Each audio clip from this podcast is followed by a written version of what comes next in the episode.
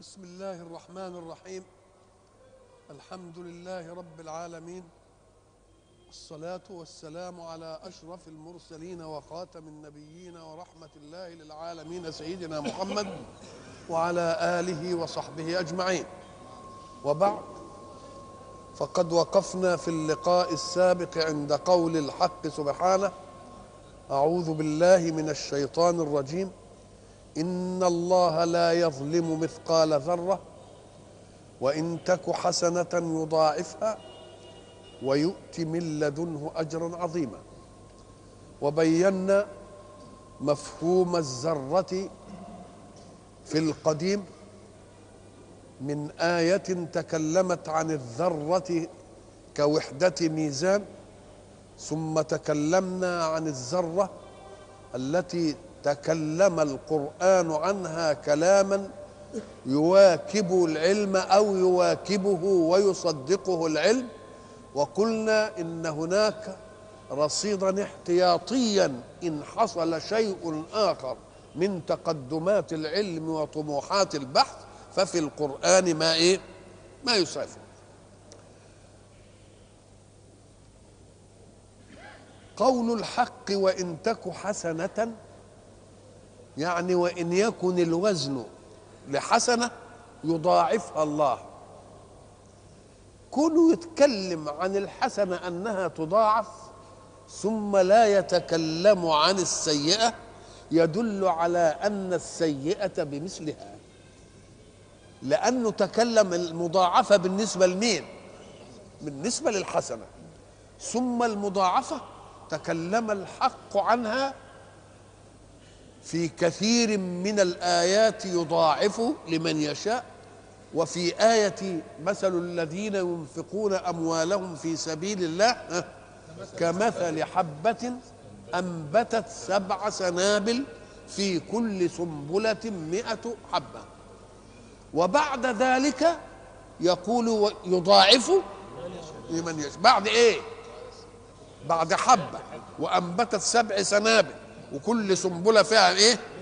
يبقوا سبعمية وبعد وبعد ذلك يقول إيه؟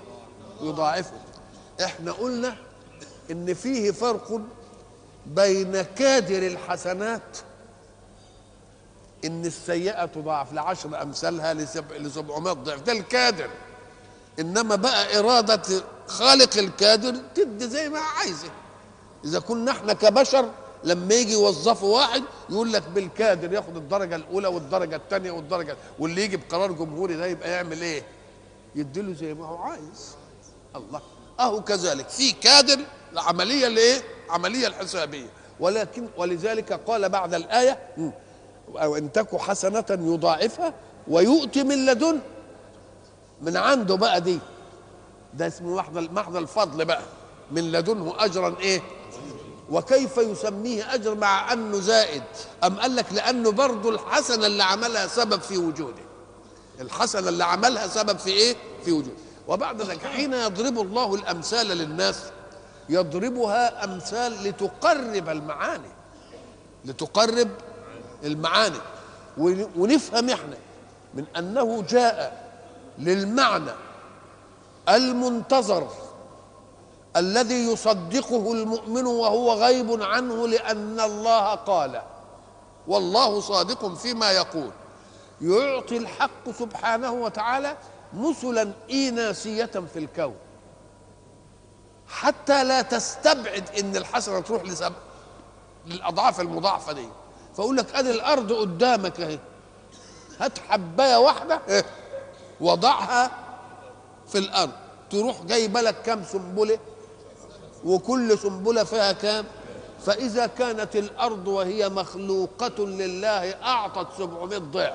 يبقى اللي خلق الأرض يدي كام؟ اعملها بقى. اعملها سين بقى. إحنا عندنا مع معادلات كده أقول لك سين. إذا كانت الأرض وهي مخلوقة لله أعطت عيانا وماديا وواقعيا الحبة ادت كام؟ 700 أدي مخلوق. وادى كام؟ 700 يبقى اللي خلق اللي بيدي 700 يدي كام بقى؟ يبقى إذا كلمة ويعطي من لدن دي عشان تديك الباب الواسع اللي يتناسب مع مين؟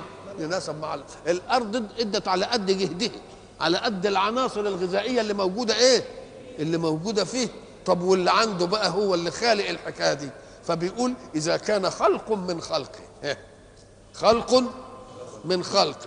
واداك يا حتى للكافر. ادالك 700 يبقى اللي خلق اللي ادى 700 يعمل إيه؟ تقوم تقول دي ملهاش حدود بقى. ملهاش ملهاش حدود. ولذلك الإناسات الإناسات التمثيلية في في في الكون يتركها الله لتقرب للعقل المعنى البعيد الذي قد يقف فيه. يعني مثلا أن الإنسان منا مادة هي الجسم ده البدن وروح. لما الروح تسحب من البدن ماذا يصير؟ يبقى رمة ويتحلل إلى عوامله الأولية وتنتهي الحكاية. الله إذا الروح هي السبب في إيه؟ في الحركة؟ في إن كل جهاز بيقوم بل في النمو؟ أيوه نعم. ولما انسحبت الله إذا الروح هي اللي بتدير الجسم ده كله. فإذا طب الروح ما لونها؟ طيب سمعته؟ ما وسائل الإدراك اهي معروفة اهي. سمعته؟ لا. طيب شفته؟ لا. ذقته؟ لا. شمته؟ لا. لمسته؟ لا. طب امال ادركتها بإيه؟ آه نقول لك بقى هو ال- ال- ال- الجوهر اللي بيدخل في جسمك ويديله الحركة فتدير المسألة دي كلها أنت لا تراه ولا تحس فهو غيب بالنسبة لك. فإذا حدثت أن ربك غيب ما تتعجبش يا أخي. طب ما أنت جي... روحك اللي بين اللي, بين عينيك أهي أنت ما أنتش عارف كونها إيه. طب لها مكان. إيه؟ طب هي فين؟ في ناحيتها ولا نعم الله. يبقى لما يقول لك ربنا ملوش مكان ما فيش مكان أولى به من مكان تصدق ولا ما تصدقش؟ آه، ربنا لما يقول لك لا تدركه الأبصار قول له وما يدرك صحيح كلام صحيح. لأن إذا كان مخلوق لله وهو الروح لم تدركه الأبصار. تبقى أنت عايز خلق من لا يدرك. يدرك؟ ما يجيش أبدا. ما تجيش. ده من عظمته إنه ما يدركش. من عظمته إنه ما يدركش. ويؤتي من لدنه من لدنه؟ شوف كلمة من لدنه فيه فرق بين الإتيان بالناموس زي ما قلنا بالكادر والعطاء المباشر. ولذلك الحق سبحانه وتعالى لما يقول من لدنا دي آه، اخرق آه، امنع الوسائط. سيدنا موسى لما راح علشان يقابل العبد الصالح إيه؟ آه علمناه من لدنا علمناه من لدنا يعني مش بواسط إيه؟ مش بواسط حد خالص. بدليل اللي جاي يعلم وقف وياه وتعلم منه. يبقى كلمة من لدنا دي بتعدل إيه؟ تعدل الحجج وتعدل الوسائط وتعدل الكوادر وتعمل كل حاجة. وشوف بقى من لدن ثم يحترم أصل عملك. ويسميه أجر. يسميه إيه؟ لأنه هو أعطى من لدنه لمين؟ بعد ما اداله النصيب الكادري اداله إيه؟ إنما هو بالأصل عامل ولا لأ؟ هو في الأصل عامل. من لدنه اجرا إيه؟ اجرا وموصوف بأنه عظيم لأنه مناسب للمعطي. ثم يقول الحق فكيف إذا جئنا من كل أمة بشهيد؟ وجئنا بك على هؤلاء شهيدا. ساعة ما تسمع كلمة كيف دي اعرف إن في حاجة عجيب تقول له انت شتمت السلطان ولا عملت كذا ولا كذا فكيف إذا واجهت تعمل إيه؟ كأن المسألة فوق الإيه؟ فوق التصور. يعني قول لي انت هتعمل إيه؟ كل شيء يتعجب منه يقوم يجي له إيه؟ كيف؟ ولذلك إيه؟ كيف تكفرون بالله؟ طب كفرتوا بالله؟ قولوا لنا إزاي الحكاية دي جت؟ تبقى مسألة عجيبة ولا لأ؟ مسألة عجيبة. تقول فكيف يكون حال هؤلاء الكافرين؟ كيف يكون حال هؤلاء العصاة؟ إمتى؟ في يوم العرض الأخير. فكيف إذا جئنا من كل أمة بشهيد؟ الشهيد هو الذي يشهد ليقرر حقيقة. مش كده؟ طيب. فكيف إذا جئنا من كل أمة بشهيد ونحن نعلم أن ما من أمة إلا خلا فيها إيه؟ نذير. النذير ده شهيد عليها أنه بلغ ولا لا؟ طيب. ورسول الله صلى الله عليه وسلم شهيد على أمته أنه إيه؟ بلغ. يبقى وجئنا بك على هؤلاء. هؤلاء اللي هم مين؟ نشوف كده. فكيف إذا جئنا من كل أمة بشهيد وهو رسولها الذي بلغ عن الله منهجه؟ كيف يكون الموقف إذا جاء وقال أنا أبلغتهم المنهج ولا عذر لهم لأنني أعلمتهم به. وجئنا بك يا محمد صلى الله وسلم عليه على هؤلاء هؤلاء اللي, اللي هو مين؟ الشهداء اللي هم الرسل ولا على هؤلاء المكذبين لك والى آخره؟ وتبقى أنت برضه شهيد على دول زي دول ما هم شهداء على إيه؟ على أمتك. يصح. الاثنين ليه؟ قال لك لأن الله جاء بكتابه المعجزة وفيه ما يثبت أن الرسل قد بلغوا أممهم. فالرسول يشهد على كلام مين؟ على كلام الله. فكأن الرسول حين سجل في كتابه المعجزة وكتابه المنهج أن الرسل قد بلغوا أممهم يبقى هو برضه هيقول إيه؟ يقول هم بلغوكم بدليل إن ربنا قال لي في كتاب المعجزة وفي المنهج. ويبقى شهيد على مين؟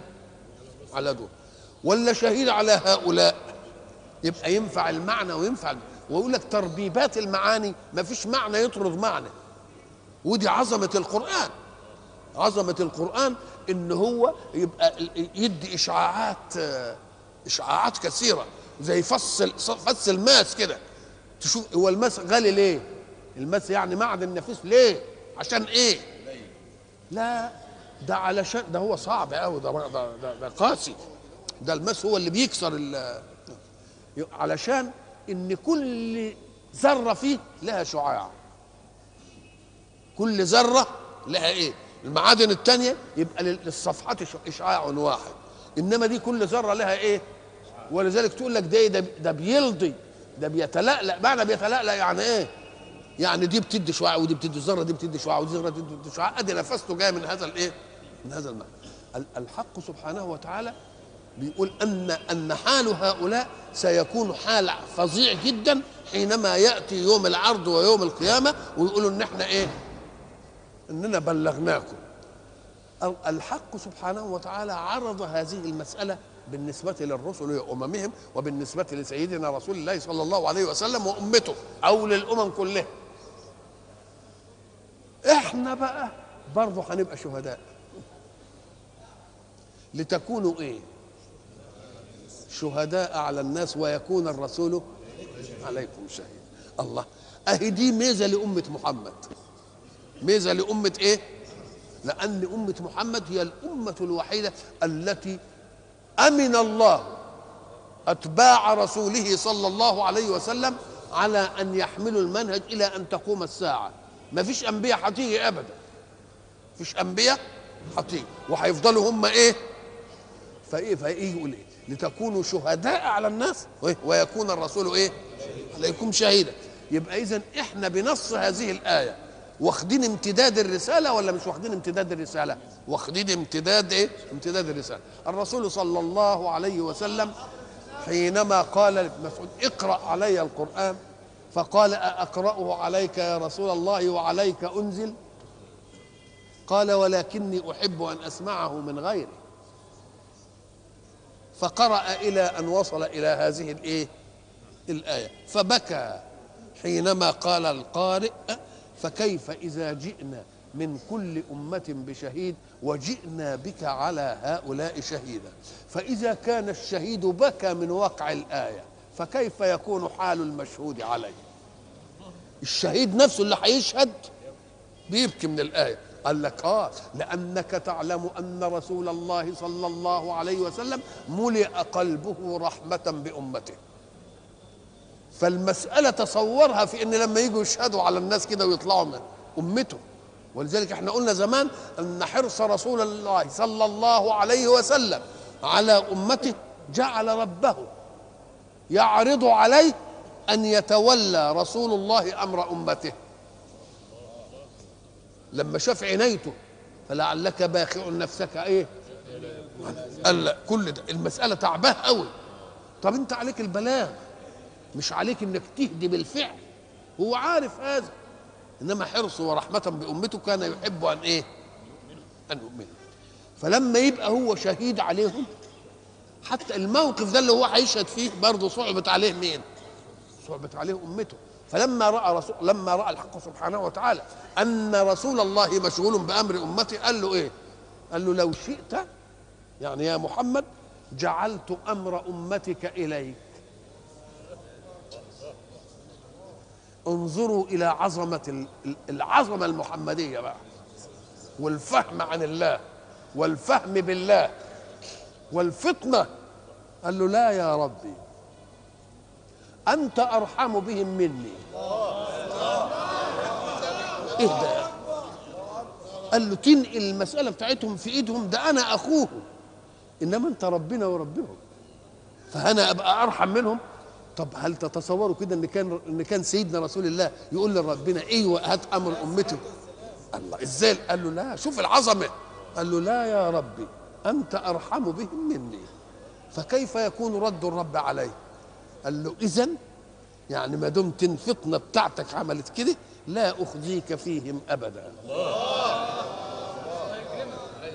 نعم صلى الله وسلم عليه. فكيف إذا جئنا؟ أي كيف يكون حال هؤلاء العصاة المكذبين؟ إذا جئنا من كل أمة بشهيد أنه أدى وبلغ عن الله مراده من خلقه وجئنا بك على هؤلاء شهيدا يومئذ يومئذ ساعة ما تشوف يومئذ التنوين ده معناه إيه يوم إيه؟ نجيء من كل أمة بشهيد وتكون أنت عليهم يبقى إذن دي التنوين ده علشان المحذوف يومئذ يعني يوم إيه؟ يجيء من كل أمة شهيد على أنه بلغ والرسول يشهد على هؤلاء في اليوم ده هو يود الذين كفروا وعصوا الرسول. ما هم فوجئوا فوجئوا بعملية كانوا مكذبينها ما كانوش معتقدين إن الحكاية جد كده. كانوا فاهمين إن كلام الرسل ده هو كلام يعني وتنتهي المسائل. فلما يفاجئوا هذه المفاجأة ماذا يكون لهم؟ يود الذين كفروا. وعصوا الرسول لو تسوى بهم الأرض. إيه تسوى بهم الأرض؟ يقول فلان أنا سوبه الأرض يعني إيه؟ يعني أنا أدهسه دهسه إيه بحيث يكون هو والأرض إيه؟ آه. نعم. ولا يكتمون الله حديثا. ليه ما يكتموش الله حديث؟ طب ده مرة قال اخسأوا ولا تكلمون. طب فكيف يكون اخسأوا ولا تكلمون وبعدين قال لك ما يعني مراحل يتكلموا مرة ويكذبوا مرة. ويقول له والله ربنا ما كنا مشركين. ما وما عملنا من سوء. مش هيقولوا كده؟ آه. ما كنا مشركين لاننا يا ربي كنا فاهمين إن دول بس هيقربونا إيه؟ هيقربونا لك إيه؟ زلفى إليك. آه. ولا يكتمون الله حديثا. لماذا؟ تقول لا يكتم حديثا دليل على أن الحديث إيه؟ آه مندفع. ما يقدرش يكتمه. إحنا قلنا الكتم هو إيه؟ الكتم إنك أنت تعوقه إيه؟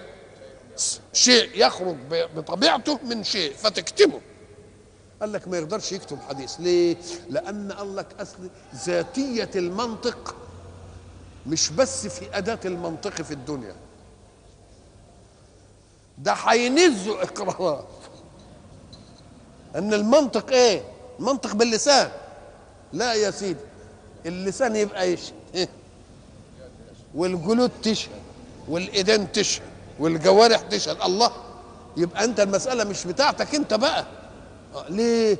أم قال لك؟ لأن في حاجة اسمها ولاية الاقتدار.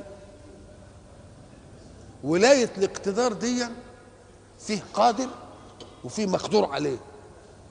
يعني عشان نقرب الصورة ما يكون مثلا كتيبة من الجيش مثلا وعليها قائد. قائد على الرتبة بتاعته على قد إنها كتيبة. وبعدين قاموا في مهمة. القانون العام يعمل إيه في المهمة دي؟ إنه يجعل له إيه؟ ها؟ قادرية الأوامر. وهم يعملوا إيه؟ يطيعوا الطاعة. خلاص؟ ما يقدروش يخالفوا. أمر عسكريه آه. لكن إذا ما جاء إذا جاءوا للقائد اللي أعلى منه ورجعوا بقى لل بيسموا القائد اللي أعلى من الضابط الصغير إيه مثلا؟ مرجع بتاعه. آه يبقوا يبقى لهم كلام تاني. يقدروا يقولوا ده قال لنا وعمل لنا وزمل لنا واتكلموا. كذلك الحق سبحانه وتعالى حينما خلق الإنسان خلق جوارحه منفعله لإرادته. الجوارح بتاعته منفعلة لإيه؟ الإرادة بتاعته دي مكيفة بأي شيء. فإرادة الطائع إطاعة أمر واجتناب إيه؟ طب وإرادة العاصي على العكس. لا يطيع الأمر إيه؟ ولا يمتثل النهي. إنما إرادة ولا مش إرادة؟ آه. راح شرب الخمر أراد أن يشرب الخمر. فرجله مشيت. مش كده؟ ولسانه نطق للراجل اللي بيديله الكاس وإيده امتدت وخد الكاس وشرب. الله الجوارح اللي بتعمل العملية دي. آه ده هي مقدورة لق- لقادرية إرادته. ربنا خلقها كده. إنما خلقها كده وبعدين يعمل إيه؟ وبعدين حين تذهب إلى من دبر هذا الأمر في الآخر تقول له ده يا رب عمل بيا كذا وعمل كذا وعمل كذا. ليه؟ لأن قادرية الإرادة امتنعت. لمن الملك اليوم؟ ما فيش حد. ماليش إرادة دلوقتي. ما دام ماليش إرادة تقوم الإيد تتكلم تقول عمل بيا كذا وعمل بيا كذا وعمل بيا. أمال كنت فين؟ أنا كنت يا ربي مقهورة؟ لقادريته ارادتي اللي انت عاملها له بمجرد ما يريد تريد تضرب واحد قلم بإيدك إيدك توافق. تاخد بإيده وهو واقع تعمل كده. ولا مش كده ولا لا؟ تريد لسانك إنه يشتم واحد يشتم يريد لسانك يمدح واحد يمدح. إذا فدي كلها إيه؟ ولاية القادرية من الإرادة. على الإيه؟ مقدوريات من الجوارح. لكن إذا ما ذهبت إلى من وهب القادرية للإرادة يبقى ما فيش حد له إيه؟ ما فيش حد له إرادة ولا أي حاجة وبعد ذلك الجوارح فكأن الجوارح حين تصنع غير مرادات الله بحكم أنها خاضعة للمريد وهو غير طائع تكون كارهة لذلك ولا لا؟ آه. تفعل وهي إيه؟ فإذا ما وجدت الفرصة إن الإرادة بتاعته انحلت إمارتها تقول إيه؟ تقول على اللي حصل بقى. وقالوا لجلودهم لما إيه؟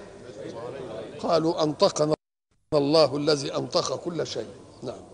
يومئذ يود الذين كفروا وعصوا الرسول لو تسوى بهم الأرض. مش هيقولوا ليتنا إيه؟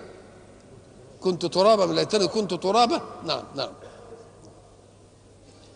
ولا يكتمون الله حديثا. يا أيها الذين آمنوا لا تقربوا الصلاة وأنتم سكارى. الله. نقلنا من الأوامر دي من العبادة وعدم الإشراك والنفقة والعملية دي وما فيش رئاء الناس وربنا ما يظلمش وكلنا هنجتمع كلنا. وبعد ذلك أراد أن يصلنا به.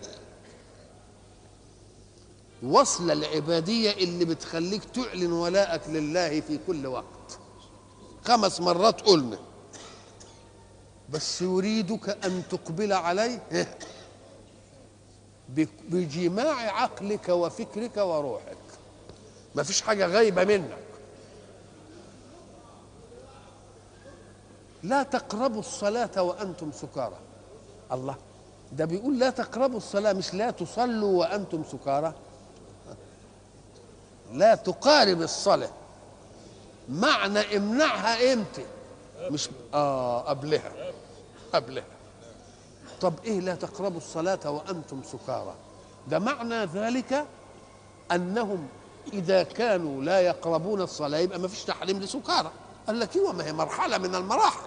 لأننا قلنا سابقا أن ال- أن الدين حينما جاء ليواجه أمة كانت على الفطرة يعني بعد صلتها بالرسل يجيء إلى أمر العقائد فيتكلم فيها كلاما حاسما بتا لا مرحلية فيه مسألة العقيدة والإيمان بإله واحد وعدم الشرك بالله والأوثان دي مسألة إيه؟ ما فيش فيها مراحل ولا هوادة لكن المسائل التي تتعلق بإلف العادة بإلف ما دام إلف العادة تبقى دي اللي عايزة شوية مرحلية. لا نقصر العادة على غير معتادها. بل نحاول أن نتدرج في المسائل اللي هي خاضعة لإيه؟ اللي هي خاضعة للعادة. ما تقدرش تنقل فجأة. إنما أمر العقائد واحد واحد اتنين انتهينا. لكن الأمر اللي فيه الإيه؟ العادة.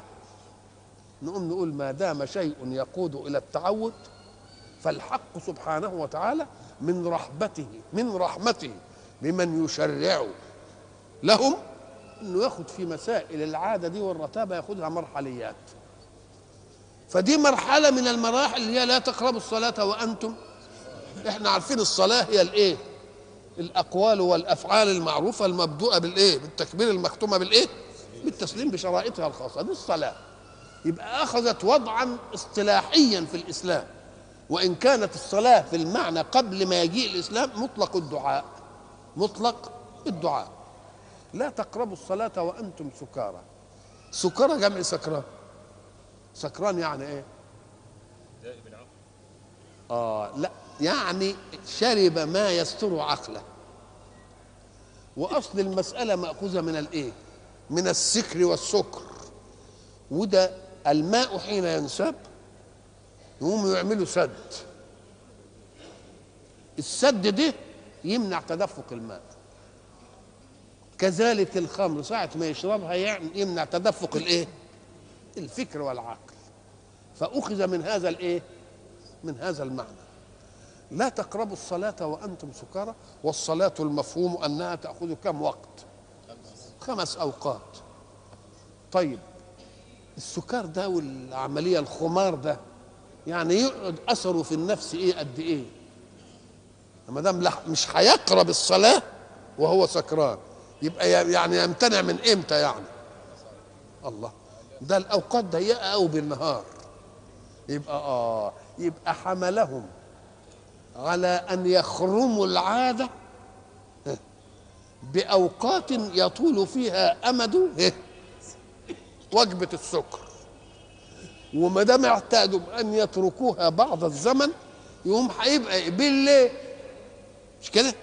يبقى بالليل لما يصلي العشاء بقى يبقى فيه هو الوقت اللي هو طويل شوية يشرب له حاجة وبعدين يبقى قعد النهار طوله إيه؟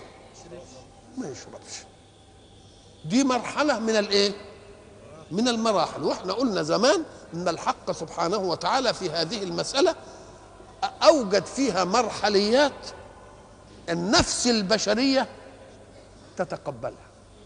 لأنه أول ما جه يتكلم مثلا ومن ثمرات النخيل والأعناب تتخذون منه سكرا ورزقا حسنا. يلاحظ أن السكر مقدم. والرزق موصوف بالحسن. يبقى فيه سكر وفيه إيه؟ رزق كأن لما ياكلوا العنب ولا ياكلوا البلح كده يبقى ده اسمه إيه؟ رزق. وصف الله الرزق بأنه إيه؟ حسن. إنما هم كانوا يفضلوا منهم ياخدوا العنب دي ما ياكلوش كده طازة ويعملوا منه إيه؟ يعملوا منه خمر. فربنا قدم السكر علشان هم بيعملوا كده. إنما ما وصفوش بالحسن. قال عليه كما يصنعون. تتخذون منه سكرا. لكن كلمة رزق وصفوا بالإيه؟ بالله لما نسمع بقى كده سكرا ورزقا حسنا. مش نفهم إن كونه سكر يبقى غير حسن؟ مقابل الحسن إيه؟ قبيح. يبقى أكنه قال إيه بالضبط كده؟ ومن ثمرات النخيل والأعناب تتخذون منه سكر قبيح. ورزق بس أنتوا اهتمامكم بالايه؟ بالسكر. فجاب السكر وقدمه. وبعدين إيه اللي يحصل؟ لما يجي الحق سبحانه وتعالى يريد أن يأتي بحكم. انت عارف حكاية نصيحة؟ النصيحة ما هيش حكم شرعي. النصيحة يبين لك انت وانت اختار. يوم إيه يسألونك عن الخمر والميسر. إيه؟ قل فيهما اسم كبير ومنافع للناس واسمهما أكبر من نفعهما. هو شرح القضية بس. شرح الإيه؟ وانت حر بقى شوف نفسك. قال إيه؟ يسألونك عن الخمر. قل فيهما إيه؟ اسم كبير. شوف اسم وإيه؟ كبير. ومنافع الإيه؟ للناس. ولكن الاسم أكبر من الإيه؟ إنما هل قال لنا أعملوا إيه؟ آه. يبقى ليه؟ هو يريد أن يستأنس العقول لترجح من نفسها الحكم. يعني أنت اللي تقوله بقى. أنا قلت لك أهو يسألونك عن الخمر والميسر قل فيهما إيه؟ اسم كبير ومنافع للناس واسمهما أكبر من نفعهما يبقى ما دام الاسم أكبر من النفع ما هي مرجحات ال- ال- البدائل؟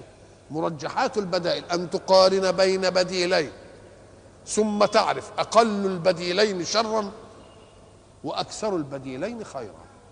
فحين يقول الحق فيهما اسم وفيهما مش عارف إيه وما واسمهما أكبر من نفعهما. تبقى دي نصيحة ولا لأ؟ وما دام نصيحة الكويس يعمل إيه؟ يستأمن الله على نصيحته ويعملها إنما ما فيش حكم هنا.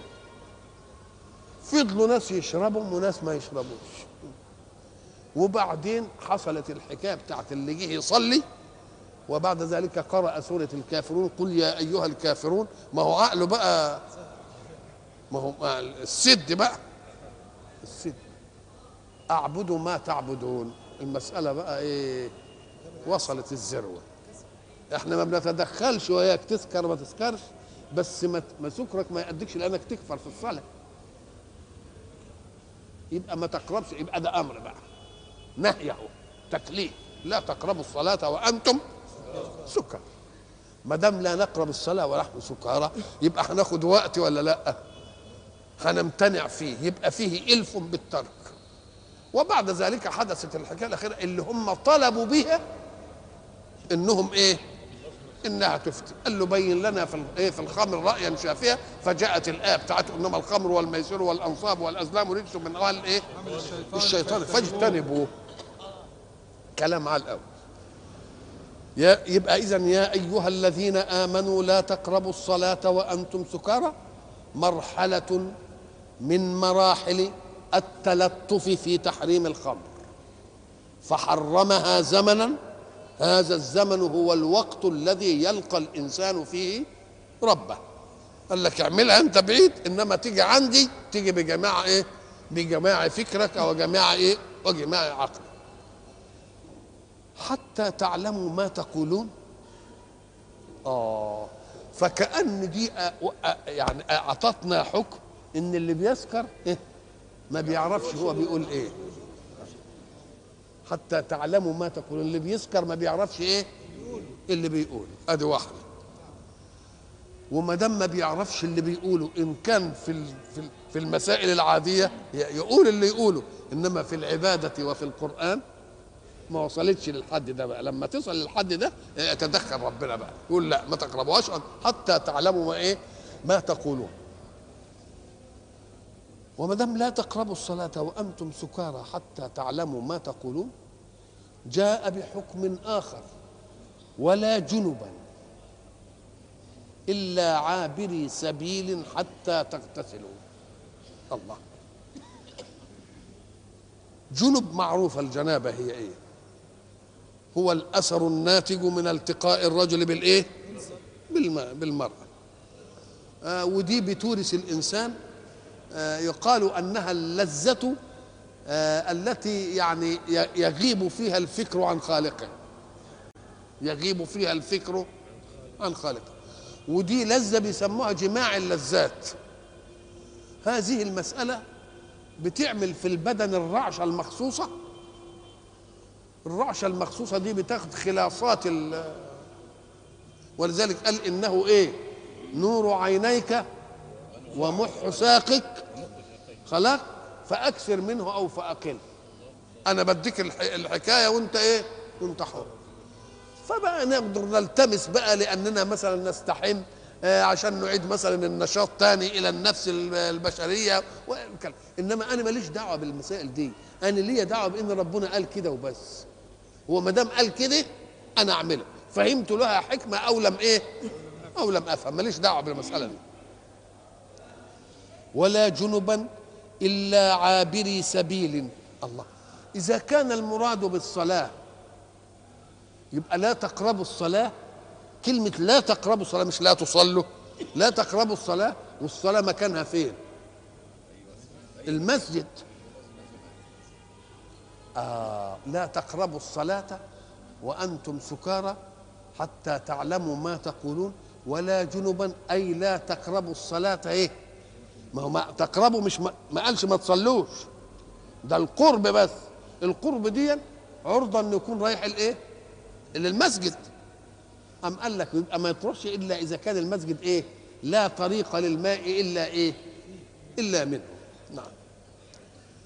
وإن كنتم مرضى أو على سفر يعني عندكم عذر يمنع من مين؟ من الماء. أو جاء أحدكم من الغائط. الغائط هو الأرض الوطيئة. يعني نزلة شوية كده. كانوا يقضوا فيها الإيه؟ الحاجة. و وأصبح علما على قضاء الحاجة. انت ما انت بتقول مثلا على بتكني عنها بحاجات كتير. أنا عايز أروح بيت الماء. أنا فين دورة المية؟ مش كده ولا لا؟ ده جاي من جاي من دورة المية. يعني قضيت الإيه؟ يعني يعني تلطف في الإخبار عن عملية النفس. يعني تستخسرها شوية. آه ولذلك يعني تقول دي عملية ما فيش فيها غضاضه ولذلك يقول لك إيه؟ في, في, في العبارات الشائعة والله أنا رايح أعمل زي الناس. مش قالوا كده؟ يعني إيه أنا أعمل زي الناس يعني؟ يعني أنا يعني أنا مش بدعي لما أروح علشان أقضي حاجتي كل الناس بتعمل كده. الله. فربنا سبحانه وتعالى يقول إيه؟ أو جاء أحدكم من الإيه؟ من الغائط. أو لامستم النساء فلم تجدوا ماء. يبقى ده كلها قيد في العملية. فلم تجدوا إيه؟ ماء. فتيمموا صعيدا طيبا. شوف بقى من رحمة الله بأمة محمد صلى الله عليه وسلم ومن ومن ومن ومن لطف الحق في بيان أن التشريع يقبل عليه الإنسان لأنه تشريع. ما تقوليش أنا بتوضى عشان أنظف نفسي. نقول له تعالى يا أخويا أهو أنت بتتوضى عشان تنظف نفسك ولما تفقد المية بتجيب تراب تحطه على وشك. تبقى ما تقوليش النظافة وما نظفهاش. استباحة الصلاة بالشيء الذي فرضه الله قال لي مرة اتوضى فإن لم تجد ماء يبقى أعمل إيه؟ ينقلني إلى ما يأتي بال... بالتراب على وشي؟ آه نعم يبقى اذا المسألة مسألة إيه؟ أمر من الله فهمت علته أو ما فهمتش ولذلك النبي عليه الصلاة والسلام يقول من رحمة الله بامه محمد أن جعلت لها لها الأرض إيه؟ مسجدا وطهورا. مسجدا وإيه؟ وطهورا. فتيمموا صعيدا طيبا. يعني بس ما تكونش واثق إن عليه نجاسة. فامسحوا بوجوهكم وأي إيه؟ وأيديكم. آه ال- ال- المسألة فيها جنب وفيها مش عارف إيه وإيه. وبعدين ما وجدناش مية ومش عارف. قال لك اذا كلمة امسحوا بوجوهكم وأيديكم مش معنى إن التيمم خلف عن الوضوء إنني أعمل عمليات الوضوء في التيمم. أنا كنت بتمضمض وكنت بستنشق مش كده؟ كنت بغسل الوجه وكنت بغسل الإيدين وكنت بمسح الرأس وبعمل مثلا أنا بتكلم على الأركان والسنن. هنا قال لك لا ما دامت المسألة يعني بصعيد طيب وتراب وإلى آخره يبقى سواء كانت للوضوء أو لل- للجنابة يبقى اذا يكفي أنك أنت تعمل إيه؟ الوجه واليدين. امسحوا بوجوهكم وإيه؟ هنا قال لك هي ضربة واحدة ولا ضربتين؟ أم قال لك والله هو قال امسحوا بوجوهكم وبأيديكم ولا امسحوا بوجوه آه واحد خد كده وواحد خد كده. واحد قال ضربة واحدة وواحد قال إيه؟ واحد قال ضربتين. كلها تيسير. نعم. إن الله كان عفوا. التخفيف ده مش مناسب للإيه؟